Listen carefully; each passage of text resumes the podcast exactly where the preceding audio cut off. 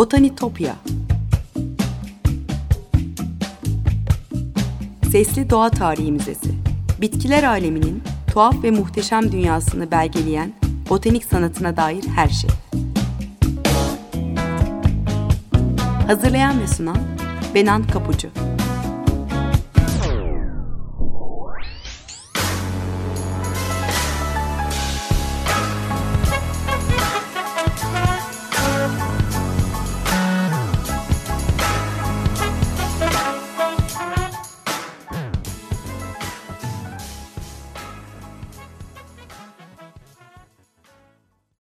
Merhaba sevgili Açık Radyo dinleyicileri.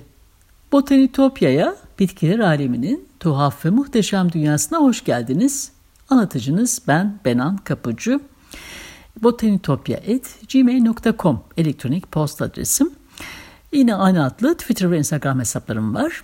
E, kimi programlarda bahsettiğim konuları görsellerle destekliyorum. O yüzden sosyal medya hesaplarımı takipte kalırsanız çok çok mutlu olurum.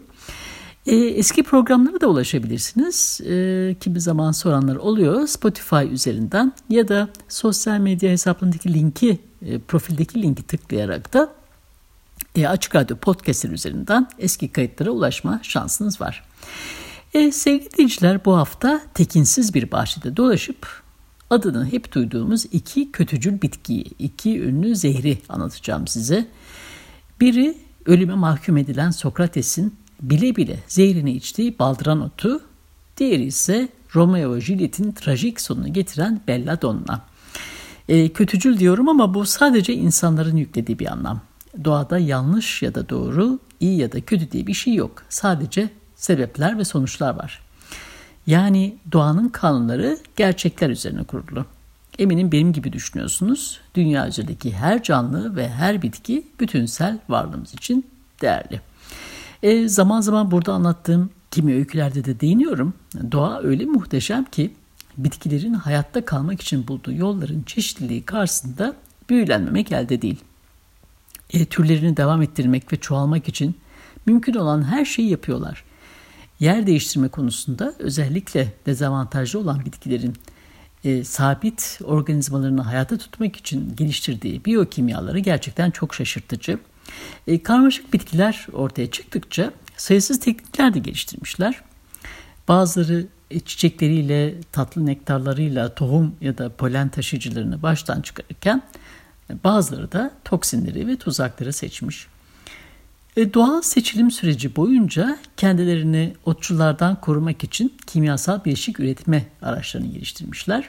Tabii bu zehirli bileşiklerin birçoğunun önemli tıbbi faydaları da var e, savunma sağlayan bileşiklerin kimyasal yapıları ve toksisite mekanizmaları Theophrastos'un, Dioscorides'in antik metininden bugüne modern botaniğin aktif araştırma alanlarından biri. E, bitkilerin e, tırnak içinde bu karanlık yönleri elbette insanlığın kültürel kodlarına da işlenmiş. E, benim bu programda da hep yaptığım gibi bu girift bağlantılarla birlikte anlamlandırmaya çalışıyoruz hep. E, kötücül bitkileri eğlenceli bir dille anlatan iki kitap var size önermek istediğim. Benim de keyifli okuduğum e, kaynaklar bunlar. E, A'dan Z'ye bir rehber formatında yazılmış e, kitapları ek kitap olarak da satın alabiliyorsunuz. E, biri Michael Largo'nun yazdığı The Big Bad Book of Botany, e, botanik tuhaflıklara dair alfabetik bir rehber. E, yazar e, geçmişin büyüleyici e, folklorik belleğini, bitkilerin yaşam döngülerini, yetiştirme metotlarını ve insanlı olan faydalarını hoş bir anlatımla bir yere getirmeyi başarmış. E, Milattan önce 1500'lerin başlarında Mısırlıların tenya tedavisinde e, son çare olarak kullandığı absent ile başlıyor kitap. E, halüsinojenik ve sözde afrodizyak özellikleriyle Van Gogh gibi sanatçıların en sevdiği içecek e, absent. E, daha sonra bol şifalı, iyileştirici özellikleriyle e, aloe vera'nın tıbbi kullanımlarını anlatıyor ve bunun için ta milattan önce 2000 yılına kadar uzanıyor. Bir Mısır papyrusine kadar uzanıyor. E, bir Amerikan kır çiçeği olan Black Eyed Susan'dan yani kara gözlü Susan sarmaşından bahsediyor örneğin. Bazı yerli Amerikalıların e, kulak ağrılarını tedavi etmek için nasıl kullandığını anlatmış. E, Çinlilerin 12 bin yıl önce Kenevi yetiştirdiğine dair e, arkeolojik kanıtları da okuyoruz e, kitapta. E, sıkıcıymış gibi görünen havucun bile büyüleyici bir tarihe sahip olduğunu ortaya koymuş. E, hıyarcıklı vebayı savuşturduğu düşünülen e, vampir katili sarımsağı da eğlenceli bir dille anlatmış. Antik metinlere de bolca başvurarak onun deyimiyle Engin Bitki Krallığı'nın birçok harikasını e, huşu ve saygıyla selamlıyor kitapta. E, diğer önereceğim kitap da Amy Stewart'ın yazdığı Wicked Plants. E, bunu da kitap olarak satın alabiliyorsunuz. E, kitapta yazar e, zehirli hançerler için kullanılan bir ağaçtan, e, kalbi durduran parlak kırmızı bir tohumdan, e, felce neden olan bir çalıdan, boğan bir asmadan e, ve savaşı tetikleyen bir yapraktan, tek, tekinsiz bahçenin e, kötücül bitkilerinden bahsediyor bolca. E, A'dan Z'ye öldüren, sakat bırakan, sarhoş eden ve başka şekilde rahatsız eden 200'den fazla bitkinin e, bilim ve efsaneye dayanan kan dondurucu hikayelerini anlatıyor. E, gotik resimleri andıran siyah beyaz botanik portreleri de eşlik ediyor bu anlatımlara. Bitkilerin bilmediğimiz yönleriyle ilgili aydınlatıcı olduğu kadar eğlenceli de kitaplar bunlar. Evet gelelim bitkilerimize. E, baldırın otu Sokrates'in ölümüne sebep olmasıyla ünlü dünyanın en zehirli bitkilerinden biri. E, filozof e, demokratik ilkeleri olan inancına dair konuşmaları nedeniyle ölüme mahkum edilmiş. Hayatı karşılığında herkesin önünde bu zehirli fikirlerini reddetmesi istenmişti. E, Sokrates elbette daha onurlu bir yol olan ölümü seçer. E, saygı duyulan bir beyefendi olduğu için de mahkeme ona ölüm cezasının, e, cezasının infaz edilmesini istediği yolu seçme hakkı verir. E, Sokrates'in seçimi baldıran zehiridir. E, çoğu kaynak e, baldıran otunu suyla karıştırarak veya çay olarak içtiğini söylüyor. E, Platon bu sahneyi ayrıntılarıyla anlatmış e, ruhun ölümsüzlüğü düşüncesini ele aldığı Faydon adlı eserinde. E, şöyle anlatmış, Sokrates'in önce uzuvlarında bir uyuşma hissettiğini, ardından bu hissin tüm vücudunu ele geçirdiğini yazmış. E, Sokrates zehirlenmesi boyunca tam farkındalığı sürdürmüş. Hatta etrafında onun ölümüne tanık edenlerle e, konuşmaya devam etmiş onun anlatımına göre. E, son sözleri de şöyledir e, Platon'a göre. Krito, Asklepios'a bir horoz borçluyuz. Lütfen borcunu ödemeyi unutma. E, onunla özdeşleşmiş olduğu için üzerindeki kırmızı lekecikleriyle baldıran otu e, Sokrates'in kanı diye de adlandırılıyor. E, Platon'un Sokrates'in ölümüne dair açıklaması biraz romantik ve gerçek dışı olabilir. E, çünkü farklı etkileri var aslında baldıran otunun. Milattan önce 197'den 130'a kadar yaşamış Roma ordusunda bir doktor olan Nikander zehirler hakkında şöyle yazmış örneğin. E, baldıran otu denen şu zehre dikkat edin. Zira bu içecek geceden karanlığını getirecek felaketleri başımıza salabilir. E, boğulma hissi ve kasılmalarla korkunç acılar çektikten sonra ruhunu Hades'e teslim eden baldıran zehri kurbanlarından bahsediyor. E, bilim insanları Nikander'in bahsettiği bitkinin belki keşiş otu veya su baldırını olabileceğini ortaya koymuş. E, kesin kanıt e, deneysel olarak küçük miktarlarda baldıran otunu alan ve 1869 yılında e, dikkat çekici derecede farklı bulgularını bildiren İngiliz bir doktor e, John Harley'den geliyor. E, motor gücünde belirgin bir bozulma vardı diye yazmış doktor. Tabiri caizse hareket yeteneğimin benden alındığını hissettim diyor ve devam ediyor. E, bacaklarımın yakında birini taşıyamayacak kadar güçsüzleştiğini hissediyordum. Zihin tamamen açık ve sakin beyin başından beri aktif konumdayken vücudum ağır ve uykuda e, gibiydi diyor. E, baldıran otu yani Conium maculatum e, ciddi sağlık sorunlarına hatta ölüme neden olabilen oldukça toksik bir bitki. Apiaceae e, familyasına ait Conium cinsi zehirli iki bitki türünden biri ve Akdeniz bölgesine özgü.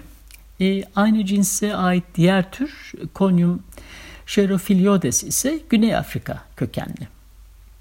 E, İngilizce'de kunduz zehri, zehirli maydanoz, şeytanın çiçeği ve çingene çiçeği gibi başka başka adlarla anılıyor.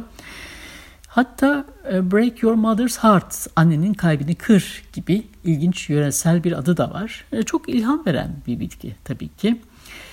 E, konyum e, bitkinin sarhoş edici zehrinin semptomlarını olan vertigo veya girdap anlamına gelen Yunanca kona sözcüğünden türetilmiş. E, biz ise e, baldırgan, şeytan tersi, ağı otu gibi karanlık isimler de koymuşuz. E, iki yıllık otsu bir bitki olan baldıran otunun e, pürüzsüz yeşil gövdesinin alt yarısında mor ya da kırmızı renkte çizgiler veya benekler görülebiliyor. E, bu lekeler bitkinin toksisitesine dair e, doğanın birer uyarı işareti aslında.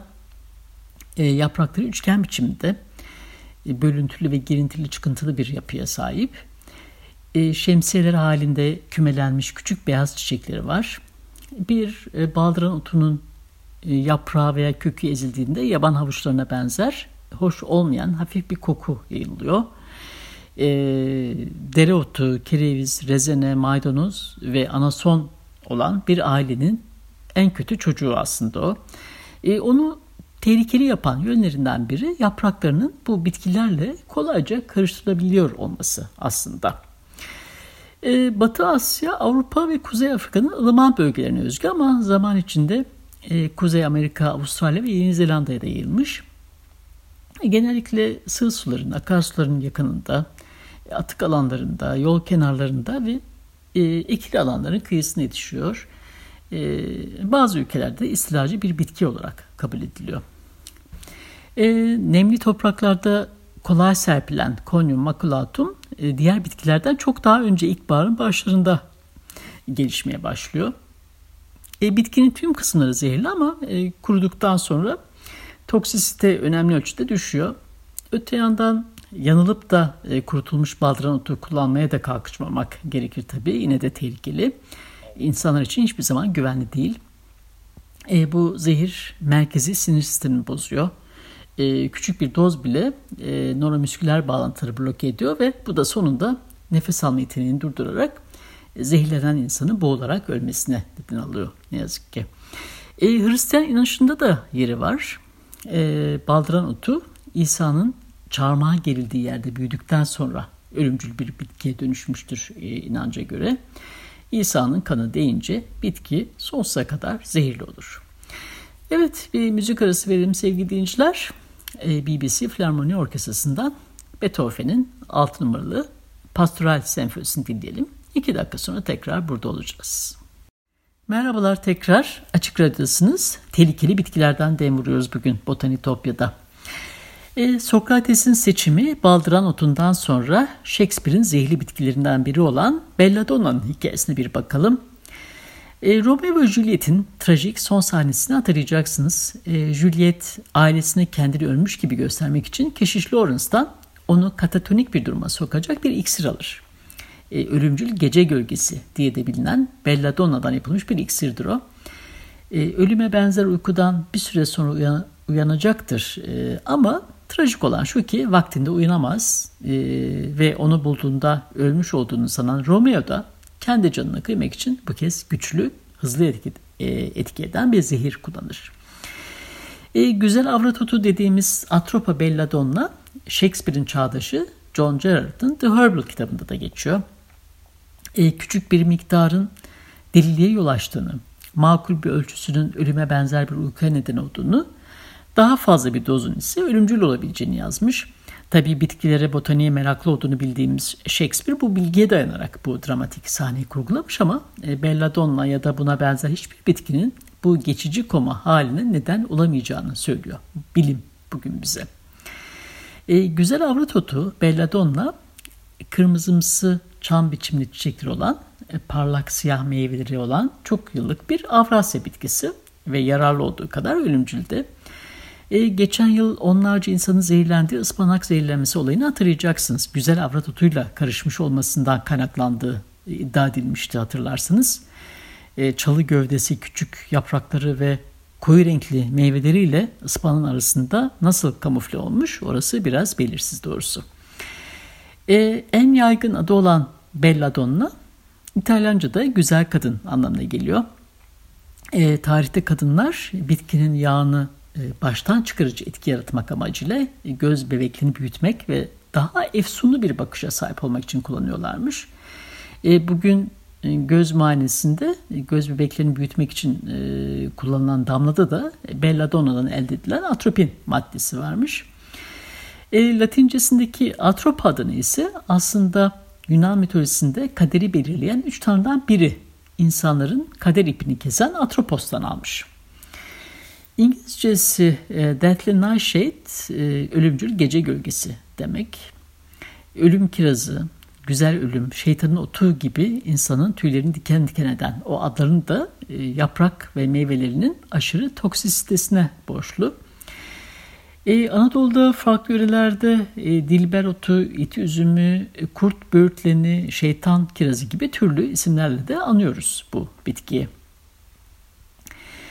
E, patlıcan e, gillerden Solanaceae familyasında gruplanmış olmasına rağmen e, belladonna'nın e, patates, domates, patlıcan, e, tütün ve kırmızı biber gibi iyi huylu kuzenleri de var. Adam otu yani mandragora da yine aynı ailede bir diğer tuhaf ve korkutucu kuzen. Bir programda anlatmıştım hikayesini. E, belladonna nerelerde yetişiyor derseniz e, ılıman iklim olan dünyanın birçok yerinde. Çoğunlukla çöplüklerde, taş ocaklarında, eski kalıntıların yakınında, ağaçların gölgelerinde veya ormanlık tepelerinde e, çılgınca büyüyen bir bitki. E, meyveler büyürken yeşil görünüyor ama olgunlaşma aşamasında e, toksinler güçlendikçe parlak ve cezbedici e, simsiyah bir renge bürünüyorlar. E, otsu ve çok yıllık bir bitki olan belladonna yaz ortasından sonbahar başlarına kadar çiçek açıyor. E, boyu bir, bir buçuk metreye ulaşıyor. Yaprakları ise 18 santim uzunluğuna kadar erişebiliyor. E, kökleri kalın, e, etli ve beyaz renkte. Kökler en ölümcül kısım olsa da zehirli alkaloidler bitkinin tamamında bulunuyor. E, toksinler arasında bulunan skopolamin ve hisokamin her ikisi de aslında delirium ve halüsinasyonlara neden oluyor.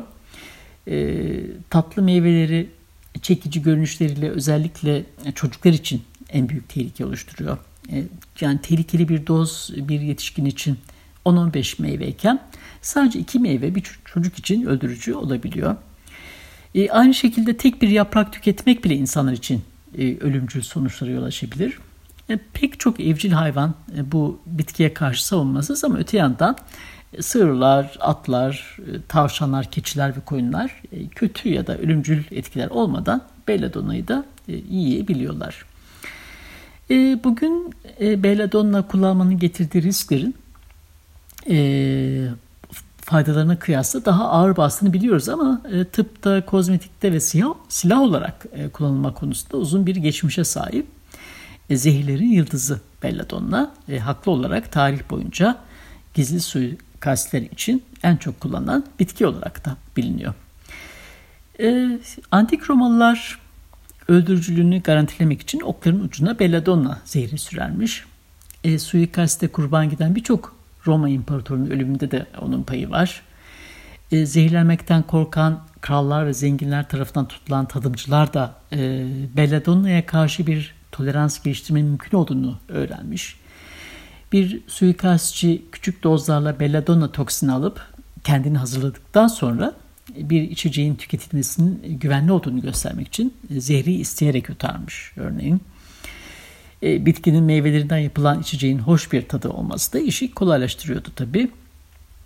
E, İskoçya Kralı Duncan'ın e, 1030'da belladonna şurubuyla dolu ölümcül şişeleri e, Danimarka ordusuna teslim etti ve böylece bir kılıç kaldırmasına gerek kalmadan tüm düşmanlarını yenilgiye uğrattığı da söyleniyor.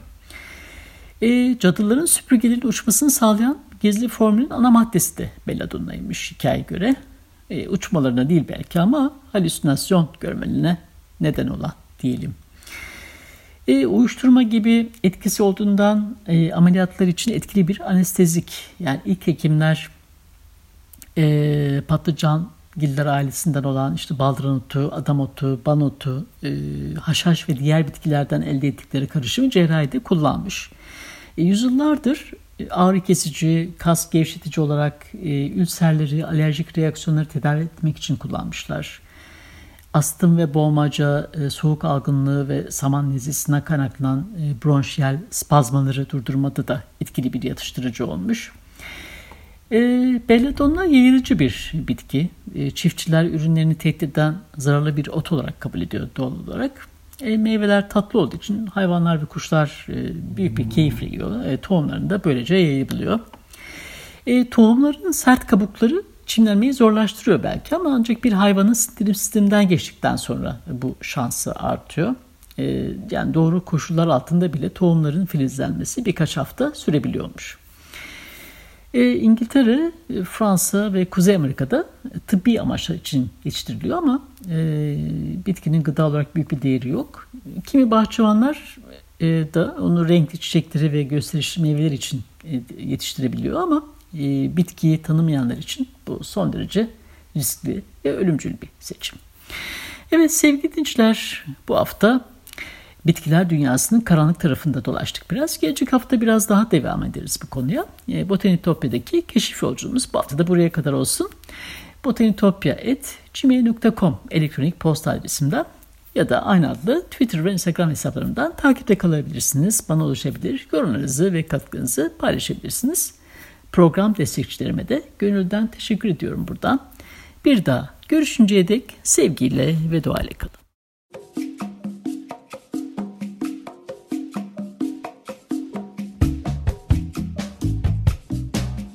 Botanitopya Sesli Doğa Tarihi Müzesi. Bitkiler aleminin tuhaf ve muhteşem dünyasını belgeleyen botanik sanatına dair her şey. Hazırlayan ve sunan Benan Kapucu